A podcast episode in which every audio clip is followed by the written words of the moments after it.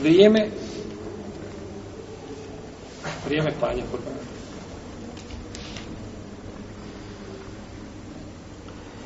Islamski učenjac složni da nije dozvoljeno klati kurban prije nastupa zore. Kada kažem nastup zore, na koji, koji dan mislimo? Dan kurbana, prvi dan kurbana, tako, odnosno prvi dan bajrama a razilaze se mimo toga. Pa kaže Imam Šafje i kaže Davud ibn Munzir i drugi da nastupa vrijeme klanja kurbana nakon izlaska sunca i kada prođe toliko vremena da se može klanjati bajram namaz i da se održe hutbe. Dvije hutbe i bajram namaz. A, pa govorili smo, kad su pitanje hutbe, smo govorili o bajramu, sjećate se. Nekada davno, najveći ovaj, razlik koja se Bajram u tom pogledu džume i koliko hutbi ima Bajram. Ima li dvije ili jednu?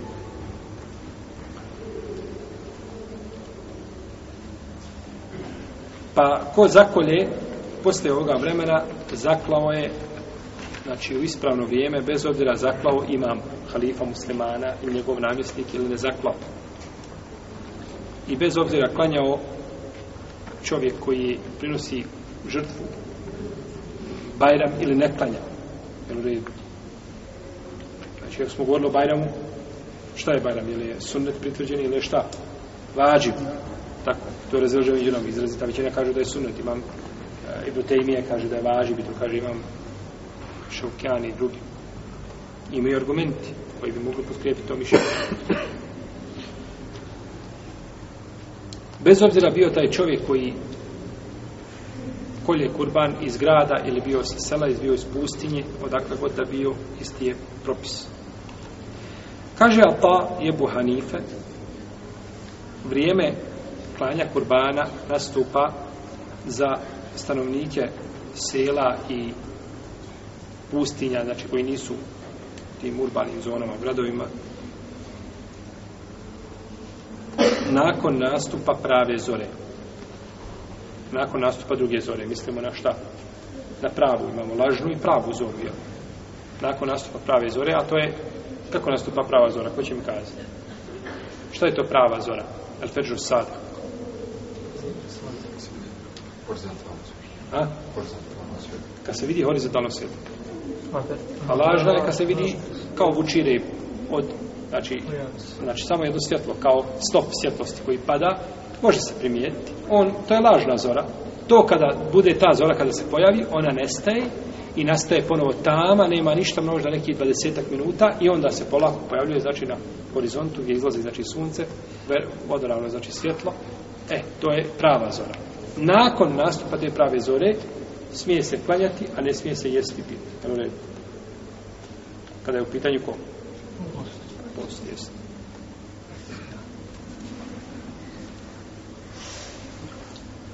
A kažu što se, kažu Ata i Ebu Hanife, a što se tiče ljudi koji žive u gradovima, neće klati dok imam ne zakolje i ne održi hutbu. Dok ne klanja, znači ne održi hutbu. A ako zakolje prije toga, nije mu ispravno. Zato što kažu, ovi znaju šta, kada je to imam uradio. Dok oni tamo koji iz daleko pusti, negdje ne znaju šta se dešava. Pa to, taj propis nije vezan za njih. Što se tiče mama Malika, kaže, nije dozvoljeno osim nakon što imam klanja i održi hutbe. I on zakonje. On je, znači, taj koji će zakljati svojom rukom ili koga punomoći i onda nakon toga te kolju ljudi. A imam Ahmed kaže, nije dozvoljeno prije namaza, a dozvoljeno je poslije, iako to bilo prije klanja imama. Znači, nisu vezivali to za kalifu.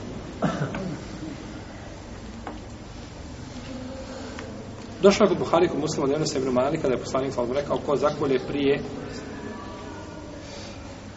namaza zaklao je sebi. A ko zakolje poslije namaza njegov je obred upotpunjen. Njegov je obred upotpunjen. I takav je pogodio sunnet muslimana. Ko je sabe sunnet al muslimina praksu muslimana. Znači, taj je uradio kako treba. Pa je poslanik sa osreme ovdje spomenuo namaz.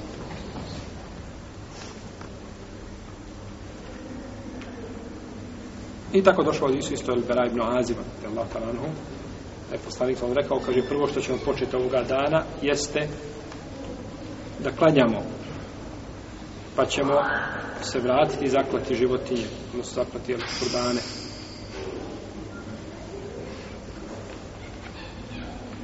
ko uradi ovako, on je postupio po sunnetu.